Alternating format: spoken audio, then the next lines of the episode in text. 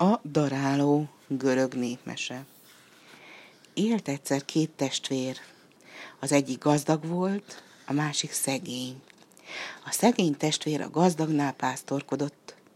Történt egyszer nagy szombat napján, hogy a gazdag testvér kiválogatta azokat a bárányokat, amelyeket húsvétre akart levágni.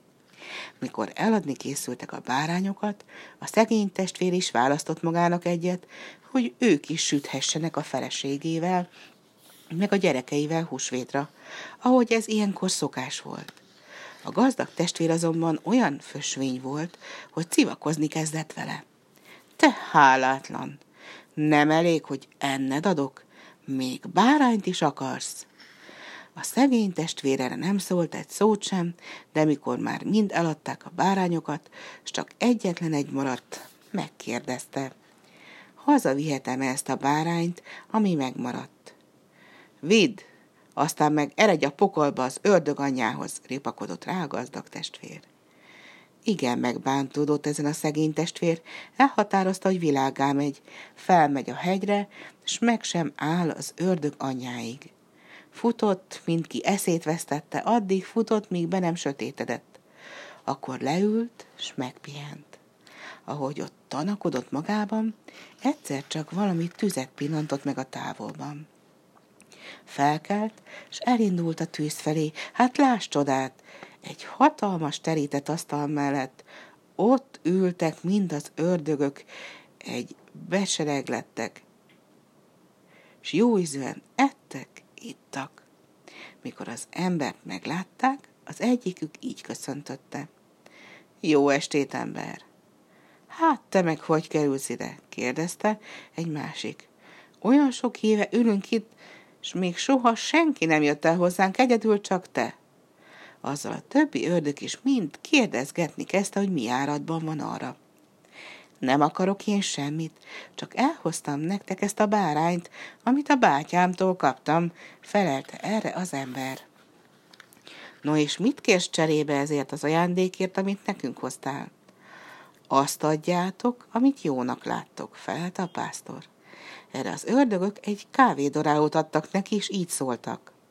Ha ezt a kávédarálót megforgatod, mindent előteremt neked, amit csak akarsz.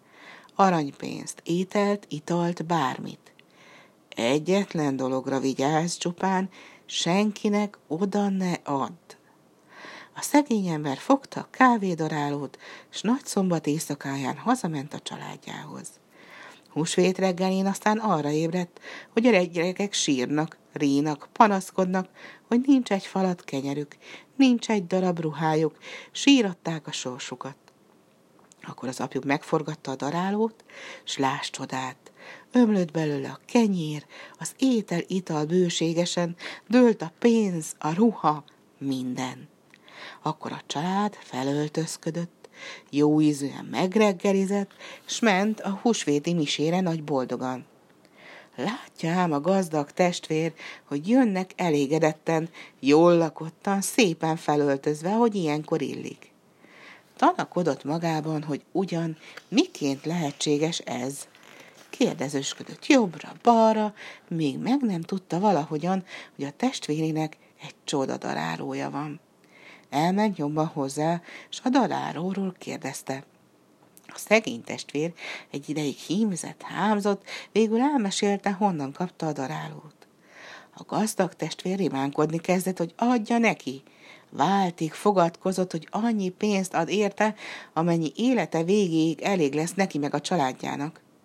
A szegény ember tanakodott egy kis ideig, aztán ráállt a dologra, csak előbb még hazavitte a darálót, és egy nagy láda pénzt darált vele, csak aztán vitte a testvéréhez.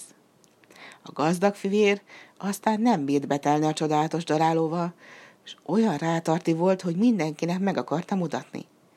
Elhatározta hát, hogy hajóra száll, és elindult Konstantinápoly felé. Útközben aztán elfogyott a hajón a só. Hát a daráló forogni kezdett, de bizony úgy forgott, úgy döntötte magából a temérdek sót, hogy meg sem állt, míg a hajó el nem süllyedt, és a gazdag ember, meg a legénysége mindegy szálig oda nem veszett a tenger fenekén. Így került vissza a daráló a gonosz kezébe. Ám a szegény ember meg a családja többi semmiben sem szenvedett hiányt.